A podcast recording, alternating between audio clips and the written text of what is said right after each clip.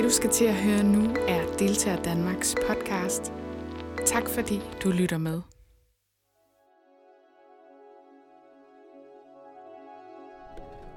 Hej Rune. Hej Sissel. Vi har talt et par måneder om at lave den her podcast om, øh, hvad der er galt med styringen i de offentlige institutioner. Hvorfor er det egentlig, vi skal lave den? Jeg møder i mit daglige arbejde, ligesom mange af mine kollegaer i Deltager Danmark, jo hundredvis, ja til sammen er det vel tusindvis af, af medarbejdere og ledere fra arbejdspladser på tværs af Danmark. Og, øh, og der er sådan bestemte stemmer, eller personer, jeg møder, som bare bliver hængende.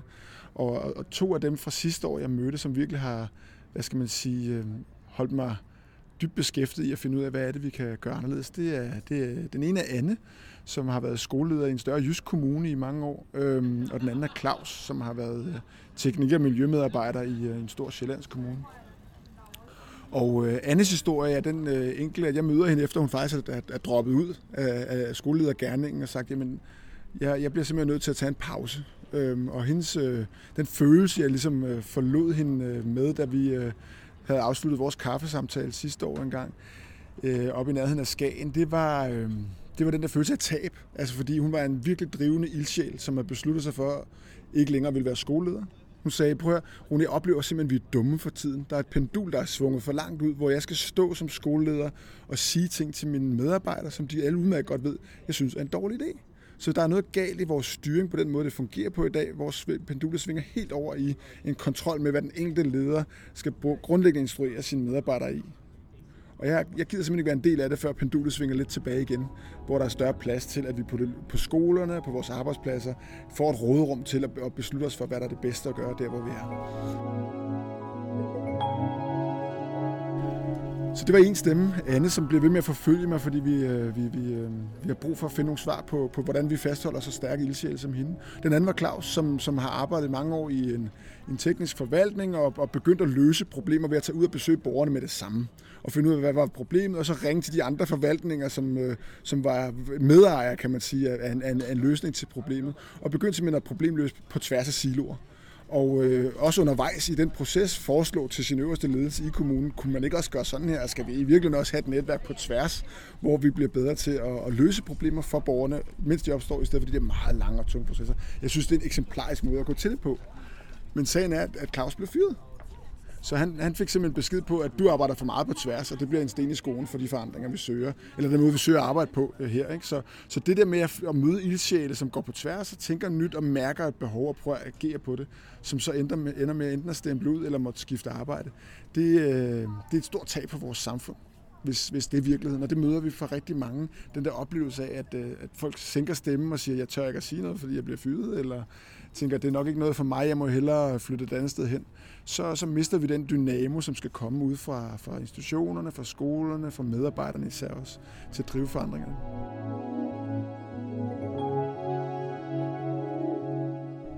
Og nu har du hævet mig med ind på øh, Copenhagen Business School øh, her på Frederiksberg i København, hvor vi skal tale med Jan Molin, der er tidligere uddannelsesdekan øh, her på stedet.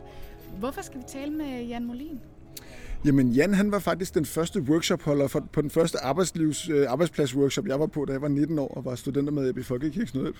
Og øh, vores chef havde fundet ud af, at vi skulle være en lærende organisation, og der så hører man jo en ekstern øh, oplægsholder ind til at forklare en, hvordan man bliver det. Mm. Og det gjorde Jan jo forbilledeligt godt. Jeg synes, han var virkelig interessant at, at, at høre på, men jeg er ikke sikker på, at vi lærte så meget undervejs af, hvordan vi egentlig skaber de forandringer. Og siden da har jeg været inspireret af den der måde at gå til at skabe øh, organisationer, der kan lære sammen, og, og har og fulgt noget af Jens arbejde. Og han har jo samtidig så været, været, øh, været øh, uddannelsesdekan og leder på meget højt niveau i en meget stor øh, vidensorganisation, som, som CBS jo er, og har den var, var gjort rigtig, rigtig mange af de fejl, man bliver klogere af, og derfor en klog mand at høre på, som jeg glæder mig rigtig meget til at, at lytte på og, og, og tale med i forhold til, hvordan han oplever nogle af de udfordringer og dilemmaer, som øh, jeg beskrev for et øjeblik siden, og måske også, hvad vi kan stille op, så jeg er meget spændt på, hvad han siger, og hvad han øh, kan gøre os klogere på om et øjeblik. Vil du mere op?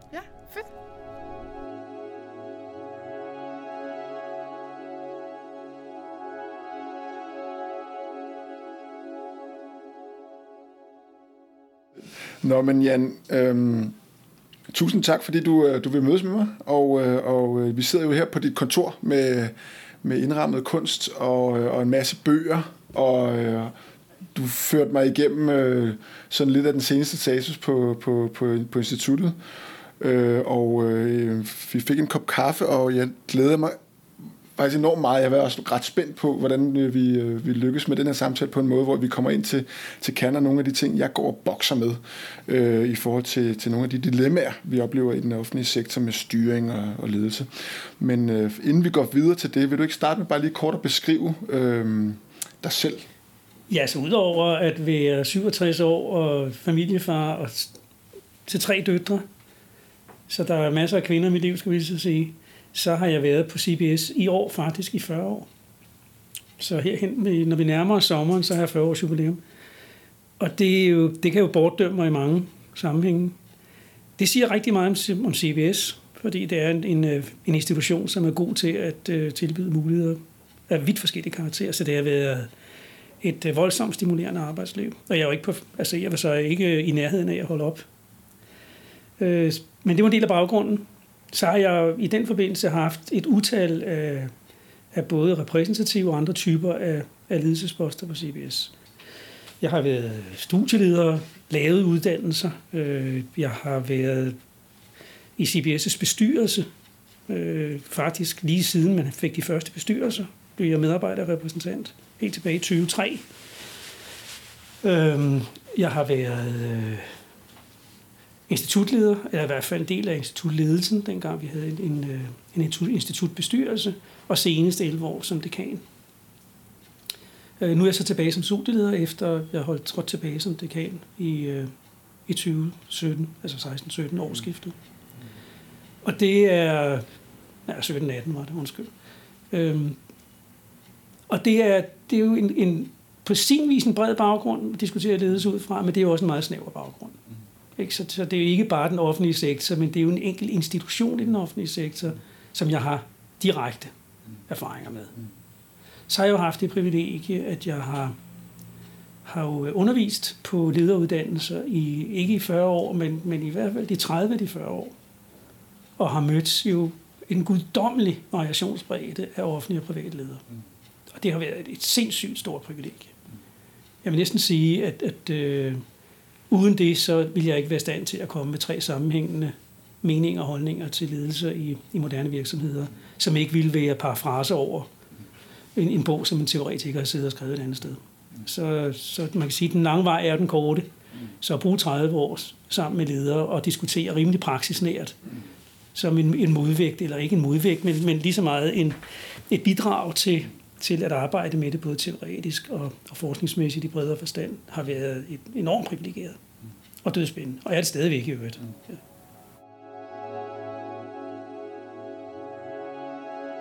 Jeg har valgt at tage afsæt i et, øh, i et konkret citat fra din aftrædelsestale, da du takkede af som, som uddannelsesdekan, som et, som et sted at starte. Du, du sagde, øh, da du sagde farvel øh, i en, en i øvrigt underholdende tale, øh, når en institution har stærkere fokus på øh, performance eller præstation end på indhold og substans, så fører det til konformitet. Og øh, konformiteten den skaber skuffelse, og skuffelsen, skuffelsen bliver til projicering. Så er det alt for let at blive enige om, at det er ledelsens, ministeriets og politikernes skyld. Det er svært at se behovet for at mobilisere et forsvar for CBS' fundamentale kvaliteter og særpræg. Bag den stigende trivialisering af universitetet CBS vokser en følelse af tab. Et tab, der således skaber både vrede og sorg. Sådan sagde du i en diagnose i virkeligheden af nogle af de udfordringer, du oplever, I slås med som, som institution. Og, og, og jeg oplever, at det er noget, der resonerer meget bredt med, med, med mange af de offentlige ansatte øh, og ledere, vi møder rundt omkring i, i, i vores øh, virke til daglig. Så jeg har egentlig lyst til, at vi starter der for at pille det lidt fra hinanden. Øhm, og øhm, starte dig med at spørge, prøv, prøv, prøv at få lidt mere ud, hvad er, hvad, hvorfor er det, at når vi har så stor en fokus på præstation frem for indhold, øh, at det fører til konformitet? Det er ud fra en idé om, at jo mere du konkret, altså forudsætningen for at styre performance i et ledelsesmæssigt perspektiv, er, at du er nødt til at konkretisere på forhånd, hvad det er for nogle mål, du måler op imod. Så det er det første led i kæden. Det næste led i kæden er, forudsætningen for, at, at målingen bliver oplevet som relevant af de medarbejdere, som underlægges målingen, er, at den er forenelig med deres oplevede praksis. Og det vil sige, at den skal være relativt konkret og lidt tilgængelig. Det næste led i kæden, det er, at når først det lykkedes, og det er jo ikke altid, det lykkes, vil jeg skynde mig at sige, og man kan diskutere, om det er en fordel eller en ulempe. Men det er ikke altid det lykkes. Men når det lykkes, så bliver det over tid muligt for medarbejderne at leve op til det, som de mener, de forventes at levere. Det der med, med altså i andre sammenhænge vil blive kaldt superoptimering. Det er ikke fordi, at de er dogne eller ugidelige, men det er fordi, at de faktisk må konstatere, at ledelsen er stærkt interesseret i, at man leverer det, de beder om. Og da ledelsen sjældent kommunikerer mere nuanceret end deres performancemål, så er det en logisk antagelse blandt mange medarbejdere, at da vi ikke hører andet, så må det være rimeligt at forvente, at det, de gerne vil have, vi skal gøre, det er det, der er beskrevet målene. Mm. Og det vil sige, hvis jeg gerne vil være en, en øh, medarbejder, som er sikker i sit job, og måske endda kan risikere at få en marginal lønforholdelse, så skal jeg nok i hvert fald starte med at forholde mig til de mål, der nu er formuleret. Og nu gør det lidt omstændigt, og, og det lyder også lidt plat og overfladisk, men, men, men psykologisk set er det faktisk den mekanisme, der går i gang. Det kan man se i en række både offentlige og private virksomheder. Og det har jo den usædvanlige tendens til, at, at man så tilpasser sig ledelsens lidt forsimplede konkretisering af, hvordan en ønskværdig fremtid ser ud. Og så, så bliver det jo en konformitet. Det bliver en, en tilpasning til det, som ledelsen har været i stand til i al sin magt og vel, og forestille sig, der kunne være en hensigtsmæssig fremtid. Og så lukkes både kreativiteten og selvfølelsen og udviklingskraften bliver så lukket i hvert fald midlertidigt nede. Og, og hvorfor fører det så til, at øh, der etableres øh, altså den, den skuffelse over ikke at kunne virke med sin faglighed, som, som ligger i det, øh, fører til en projicering? Hvor kommer det fra? Jamen det kommer fra, at, at øh, jeg er jo øh, altså, altså både naiv og optimistisk i den forstand, at jeg, jeg mener, at de fleste mennesker, øh, i hvert fald dem, der har været heldige nok til at få øh, noget, der ligner meningsfulde, job, meningsfulde jobs, har en ambition om at gøre det rigtig godt. De har en ambition om faktisk at bidrage til festen, og de har et stort behov for at beskytte deres professionelle identitet. Og den professionelle identitet bliver ikke indløst ved, at du lever op til dine performance-mål.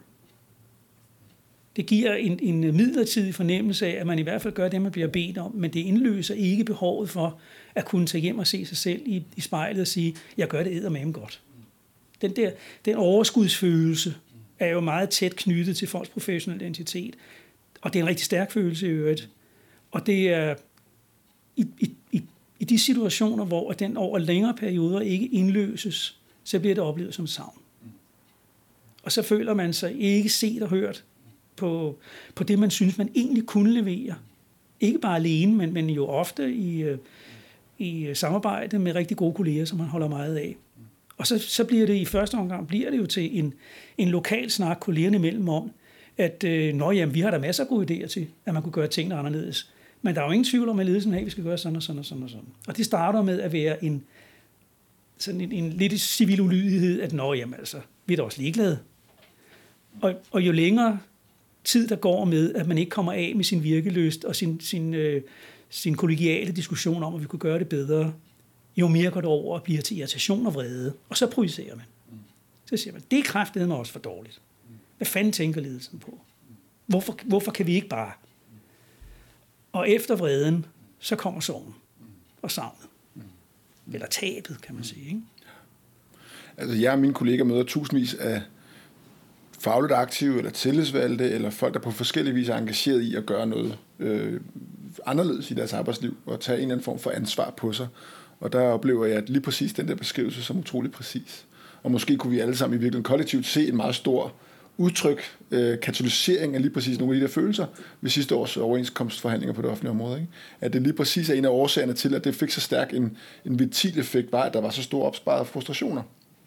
Og så siger du samtidig et sted, at du gennem alle dine år med ledelses- og organisationsudvikling har kunne konstatere, at de gode idéer aldrig kommer fra ledelsen. Så det, det sætter vel i virkeligheden ting på spidsen. Vil du uddybe den, øh, den påstand? Eller jamen, den jagttagelse? Jamen, som du selv siger, det sætter jo sagen på spidsen, fordi en ledelse, som, som læner sig i overvejende grad op af performance management, læner sig også op af en forestilling om, at fornyelseskraften skal komme fra dem selv. Det forstår jeg simpelthen ikke, de tør. Så det må være mangel på et bedre alternativ. Jeg vil sige, det, det, det gælder ikke nødvendigvis i alle virksomheder, men jo mere vidensbaseret virksomhed vi snakker om, og de fleste mellemstore store virksomheder i hvert fald har et stort element af vidensbasering i dag, der må man bare konstatere, at, at man er nødt til at komme tæt på opgavevaretagelsen og de, øh, de mangfoldige fortolkninger, der er af betingelserne for opgavevaretagelsen, for at se, hvor mulighedsrummet for at gøre det smartere og mere hensigtsmæssigt er. Og der snakker jeg ikke kun om en optimering, altså en mere hensigtsmæssig måde at løse problemerne på, men mindst lige så meget at se åbningen for at gøre noget helt andet. Det er næsten umuligt, når man sidder... Altså, folk i, i centrale ledelsesposter tror, at de sidder på toppen af pyramiden. Det gør de jo ikke. De sidder inde i centrum af en cirkel og ude af stand til at se ud. Så, så det er ikke en romantisering fra min side, argumentet om, at udvikling sker i periferien. Det er en, det er en simpel agtagelse af, at hvis, jo tættere man kommer på praksis, jo større risiko er der, at man får øje på, at der er nogle muligheder, som vi faktisk ikke normalt udnytter, og der er nogle, nogle oplagte chancer for at gøre tingene anderledes og bedre. Og det kan man, uanset hvor dygtig en ledelse man er, det kan man ikke se fordi man er beskæftiget med andre fænomener, og beskæftiger sig med sager og beslutninger og processer på et andet niveau. Og det er derfor, jeg, jeg, jeg er fuldkommen overbevist om, det er, det er jo ikke noget, jeg har fundet på, altså der er jo masser af undersøgelser, at, og især vidensintensive virksomheder, at udviklingskraften ligger altid i periferien. Det må man bare se i øjnene. Altså det er jo, hvis der er noget, jeg overhovedet har kommet galt afsted med i denne jord, på denne jord, så er det jo at forklare topledere lige præcis det. De går helt i baglås. Det er næsten umuligt at forklare danske topledere, at det ikke er dem, der får de gode idéer. Og det tror jeg så at der er gode psykologiske forklaringer på. At hvis man har hørt noget til tilstrækkeligt længe, uanset hvor det kommer fra, så på et eller andet tidspunkt, så kan man huske den gode idé, man kan ikke huske, hvor den kommer fra, og så tror man, at man selv har fundet på det. Men, men det er jo illusionsmageri på ganske højt niveau. Og det, som, som vi kan se på tværs både af litteraturen, men også af, af, af både private store virksomheder og, og organisationer, er en, en gryende erkendelse af noget af det samme måske, hvor at man øh, i store industrivirksomheder taler om at vende styringskæden på hovedet, sådan så det er det team, der producerer dimsen eller varen, som i virkeligheden skal have opsættende virkning på, hvordan vi styrer og leder.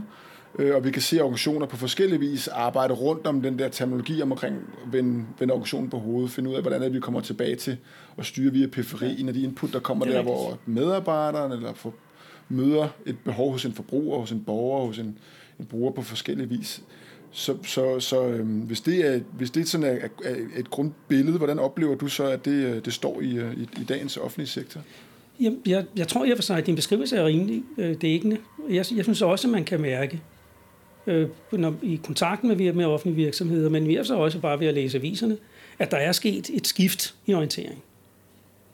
Jeg synes ikke, det er så radikalt som, som, som direkte at vende, vende, det på, vende pyramiderne på hovedet, men, men der er en, en gryende interesse for at slække på performance management systemerne. Hvilket jo giver nogle, nogle overraskende dilemmaer. Altså, jeg møder faktisk en del, øh, jeg har også været coach for nogle ledere, som jo sidder og beklager deres nød, at når de slipper medarbejderne løs, så sker der ikke en skid. Så bliver de stående. Altså man åbner ledet ind til folden, og hestene de står derinde. De løber ikke ud. Og det er der jo gode forklaringer på. Altså for det første, fordi man jo selv har opdraget medarbejderne til at gøre, hvad de bliver bedt om. Og når man så siger, nu har vi brug for, at I skal komme og fortælle os, hvad der er vigtigt, så kommer der ikke særlig meget. Men det er jo også fordi, at, at øh, en del af den professionelle identitet, vi snakkede om før, bygger jo på, at man får feedback. Alle mennesker har jo brug for at, at få et, et med- og modspil, som bekræfter ens meningsfulde tilstedeværelse. Og hvis, hvis ikke en ledelse er god til det, og det er de færreste ledelser, må man skynde mig at sige, de er sindssygt dårlige til at give folk konkret feedback på deres performance i hverdagen så er et åndssvagt performance-mål, det er bedre end ingenting. Så, så tabet af et performance-mål kan faktisk være ganske ubehageligt for mange medarbejdere. Så de vil hellere have performance management system, end de vil have det, vi herinde kalder et feedbackløst vakuum. Hvor de føler, at det er dybest set ligegyldigt, om de, om de hopper på, på tungen til Helsingør eller ej. Der er ingen, der opdager det. Så heller et dumt mål, kan man sige. Ikke? Så, så der er nogle udfordringer forbundet med at komme ud af den tradition for mange år i satsning på performance-systemer fordi det er ikke bare et spørgsmål om at slippe dyrene løs. Mm.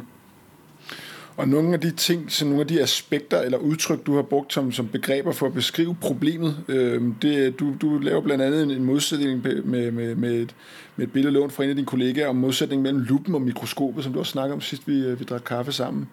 Prøv, prøv at fortælle os lidt om, hvad, hvad, hvad er forskellen på at arbejde med lupen og mikroskopet, eller hvordan er det, det kommer til udtryk i, i måle? Altså, det var en metafor, som, som opstod på et, et, et, et institutledermøde, og det, det, det dybest set handlede om, var, at at der var en diskussion med den daværende universitetsdirektør om alle de målesystemer, der blev introduceret på CBS.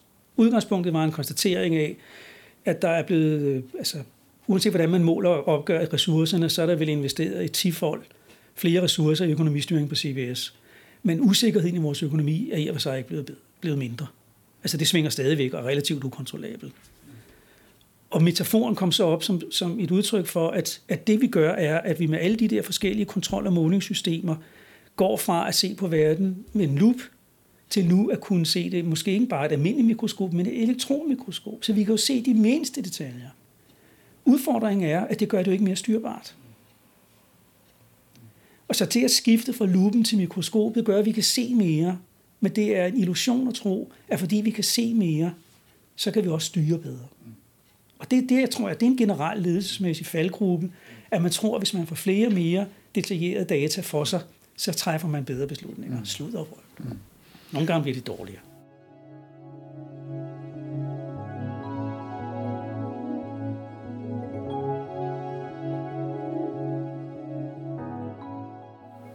Og, og, og noget af det, som øh, vi, vi, vi talte om sidst, som, øh, som jeg synes var en, en interessant pointe fra, fra, fra din side i forhold til, øh, til noget af det, som, som øh, du påpeger omkring øh, problemet ved, ved ledelse i dag, at når den bliver for, for, for hippet på kontrol, så er det vel, øh, hvis jeg skal være djævelens advokat, jo et ønske fra beslutningstagere, fra politikere, fra vores øh, institutioner grundlæggende, at sikre bedre resultater at vi bliver bedre til at lære vores børn at læse og skrive. Ja, altså vi vil gerne i højere grad kunne kontrollere nogle resultater, et outcome af det, vi laver.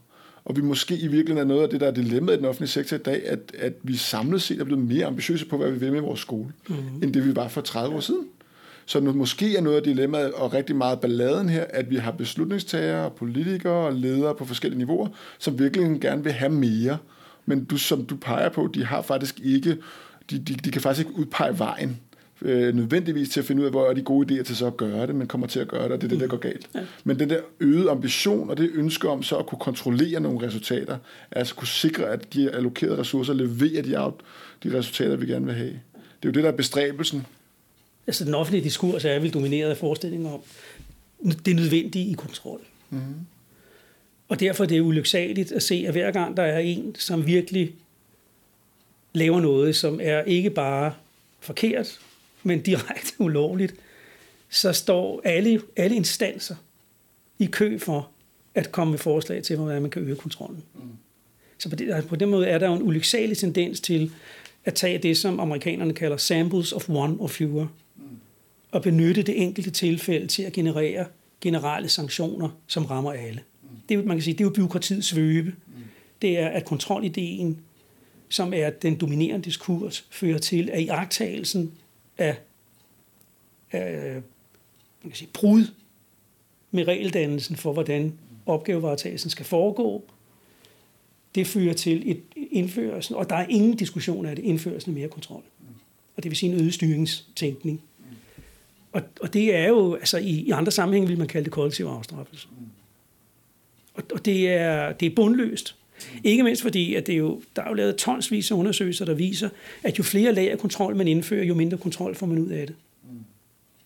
Den indlysende årsag, at, at for hvert niveau af kontrol, du har, jo mere slapper det enkelte niveau af kontrol af, ud fra en idé om, at der er så mange lag af kontrol, at man ikke behøver at tage det så alvorligt. Så hvis kontrol er en illusion, som ligger i det, du siger, altså vi kan grundlæggende ikke kontrollere resultater på den måde, vi ønsker, øhm, Hvorfor er det så, den består? Altså man kan sige, kontrol er et illusionsnummer i den forstand, at, at øh, der er jo ingen... Altså hvis man, har, hvis man har flere mennesker ansat, der kan mødes i en telefonboks, så er der jo ingen, der kan overskue og kontrollere, hvordan folk oversætter de ordre, de får, hvis de får ordre eller arbejdsinstruktioner til en konkret praksis. Det kan man jo ikke. Så der sker jo hele tiden noget andet end det, folk forventer. Så kontrol er en illusion, i ordets bogstaveligste forstand. Det er der jo ingen, der kan leve med. Altså, hvordan fanden går man på arbejde som leder og ser i øjnene, at man, man øh, træffer den ene heroiske beslutning efter den anden og sender dekreter ud i verden, og, og, det, og fører sig frem på ølkasser og siger, nu skal vi ride mod vest, hvis man ikke et eller andet sted tror på, at øh, det har en styringsmæssig effekt, og man er i stand til at kontrollere, at folk rent faktisk gør, hvad de bliver bedt om. Hele byråkratiet er bygget op på, at, at, øh, at man har den eskalerende kontrol ned i systemet. Det eneste, der virker, det er jo selvkontrol, kan man sige. Altså, det, det er jo meget mondant at snakke om selvledelse i dag. Jeg synes, det er meget værre. Altså, det, der, der, der er det mest effektive, det er jo, at, at performance management systemer øger folks tendens til at udøve selvkontrol. Og det er jo det, mange ledere oplever misforstået som en, en effekt af deres kontrol. Det er det jo dybt set ikke. Det er en utilsigtet effekt af noget andet, de har foretaget sig, som ikke er hensigtsmæssigt, som gør, at medarbejderne faktisk påfører sig selv selvkontrol. Illusion om kontrol, i min optik, starter med, at øh, den, der ikke har styr på sig selv, udvikler et stort behov for at styre andre. Og det er jo det her med, at det er rigtig svært at se sig selv i, i spejlet som leder, og få en oplevelse af, at man ikke har ordentligt styr på det. Og så er der kun én løsning. Så skal jeg med sørge for at få styr på, hvad de der bønder de foretager sig.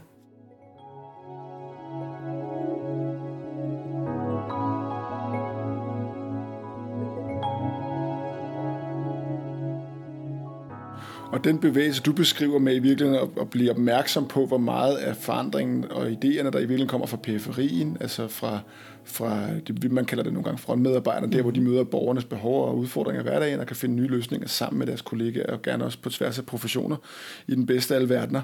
Hvordan, hvordan understøtter vi at øh, skubbe mere indflydelse, måske kunne man sige magt eller eller handlerum og handlekraft ud til, til, til, til, til periferien af vores organisationer, sådan så at der bliver bedre plads til at træffe de beslutninger, som skaber det nye, vi har brug for? Jeg er jo nødt til at sige, at jeg tror på uddannelse. Ja. Så, så jeg, altså der, her tænker jeg jo ikke på, på sådan teknisk øh, færdighedsbaseret uddannelse, men jeg tror faktisk, at, at mere, mere øh, videns, holdningsbaseret uddannelsesindsats er en væsentlig forudsætning for at frigøre mange af de ressourcer, som, som ligger i den diskussion, vi har her.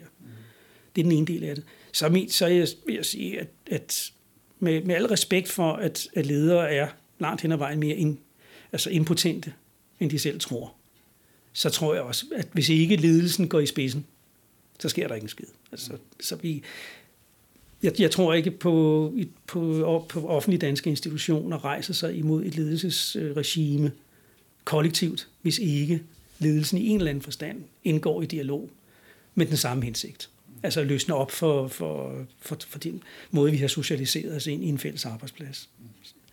Og indimellem tror jeg også, at ledelsen skal gå i spidsen, det vil jeg sige. Og hvad skal de gøre? Altså for det første, se, man bliver nødt til at starte med at se i øjnene, at man kan ikke bare fjerne systemer, man selv har indført. Men man kan konvertere performance-systemer til, en, til, nogle, til andre typer af systemer, som giver marginal tryghed.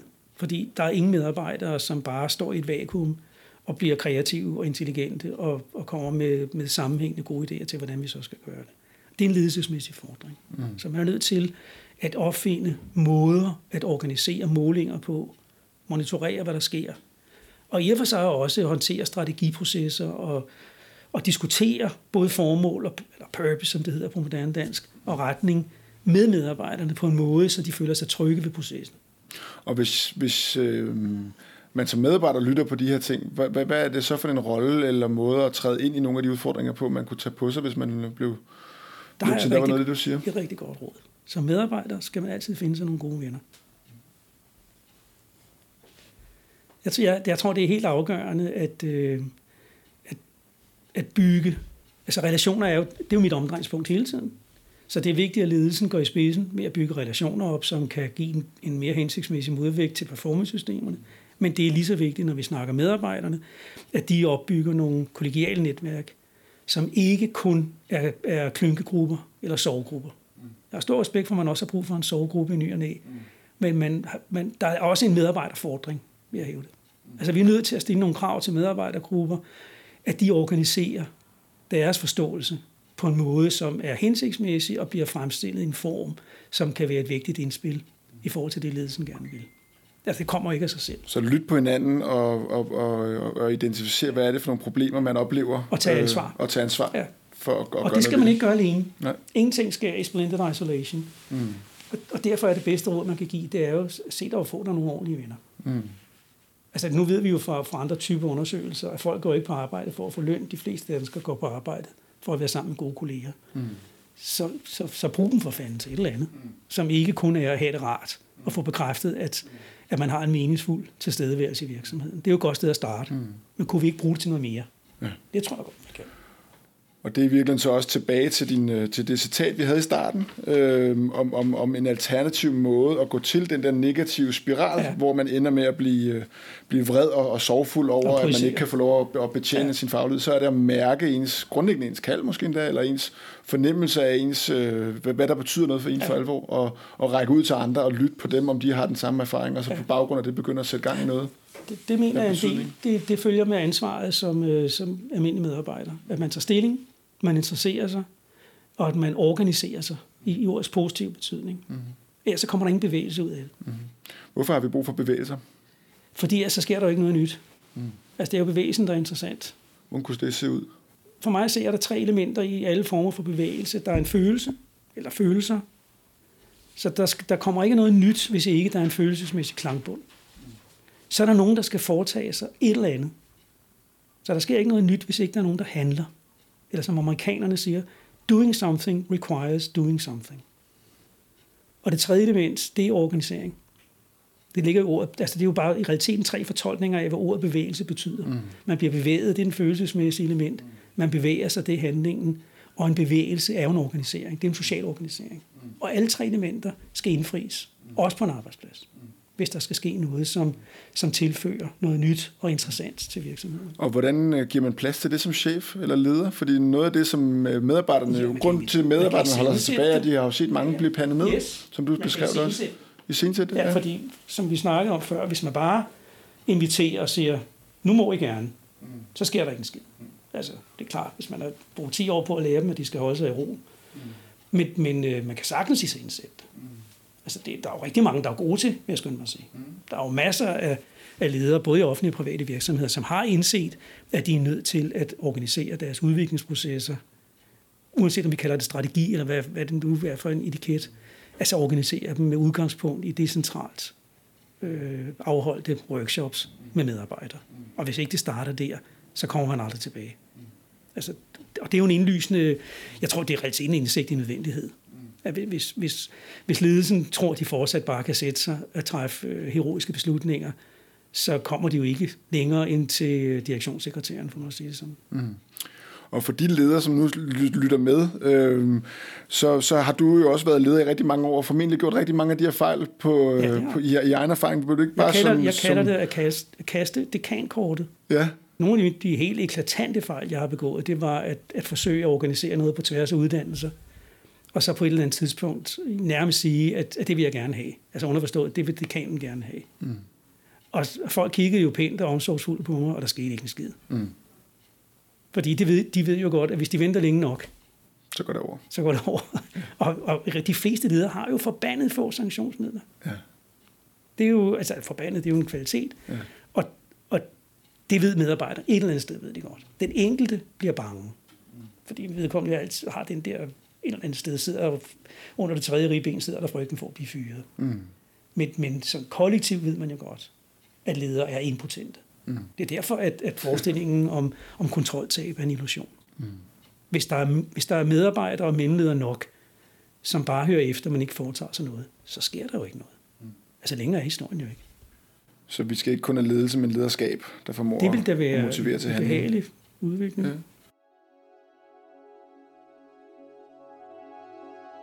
Okay, jamen øh, jeg tror, vi er kommet, kommet godt rundt omkring øh, nogle virkelig spændende jagttagelser for din hånd, øh, Jan, og øh, jeg ville ønske, at vi havde dobbelt så meget tid, så vi kunne få lov at dykke mere ned i, hvordan det konkret kommer til udtryk i din praksis også, Mhm. mm-hmm. og nogle af de udfordringer, fordi det bliver nogle af de store, øh, hvad skal man sige, de store overordnede er bred begreber, og, og der, er jo, der, der er jo et rigt liv af, af, af ledelses øh, misgerninger og fejllykkede øh, succeser, som ender med at komme ud og, og producere noget, som faktisk endte med at så meget godt ud, og andet det modsatte, som, som ligger bag rigtig mange af de her indsigter. Jeg har lyst til at runde af med at, øh, at lige spørge dig så. Vi er jo lidt på jagt efter en dybere forståelse af, hvad er det, der er galt med, med styring af vores offentlige institutioner. Og vi har besøgt dig her som, som, som repræsentant for både en forskningsmæssig stemme ind i nogle indsigter, men også en, øh, en stemme som en erfaren leder øh, på, på, øh, på, på, på, på, igennem mange år. Hvis du skulle sende mig ind til, videre til en ny interessant person, som du tænker, ah, der er faktisk noget på spil hos hende eller ham, hvem ville du så synes var interessant at, at lytte på? Eller? Altså det, der kunne være interessant, det var jo at, at få et, et, øh, et makroperspektiv ind også. Mm. Fordi jeg forholder mig jo realiteten bare som, som altså institutionernes indlejring i, i centraladministration og politik osv., det ser jeg jo nærmest bare som en, en black box. Mm. Så, ikke? så det vil jeg, jeg vil personligt sige, at det ville, være, det ville være interessant at få en, som kunne diskutere nogle af de samme fænomener, men se det fra, fra et, et makroperspektiv. Og så en, fordi min blinde plet, du har nævnt ordet to gange, det er magt. Mm.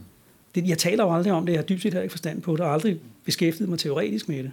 Så, så det i sig selv ville også være interessant. At få mm. en, som, som havde et, et mere centralt overliggende institutionelt perspektiv, og som også havde et, et mere eksplicit magtperspektiv. Det ville jeg synes var sindssygt interessant.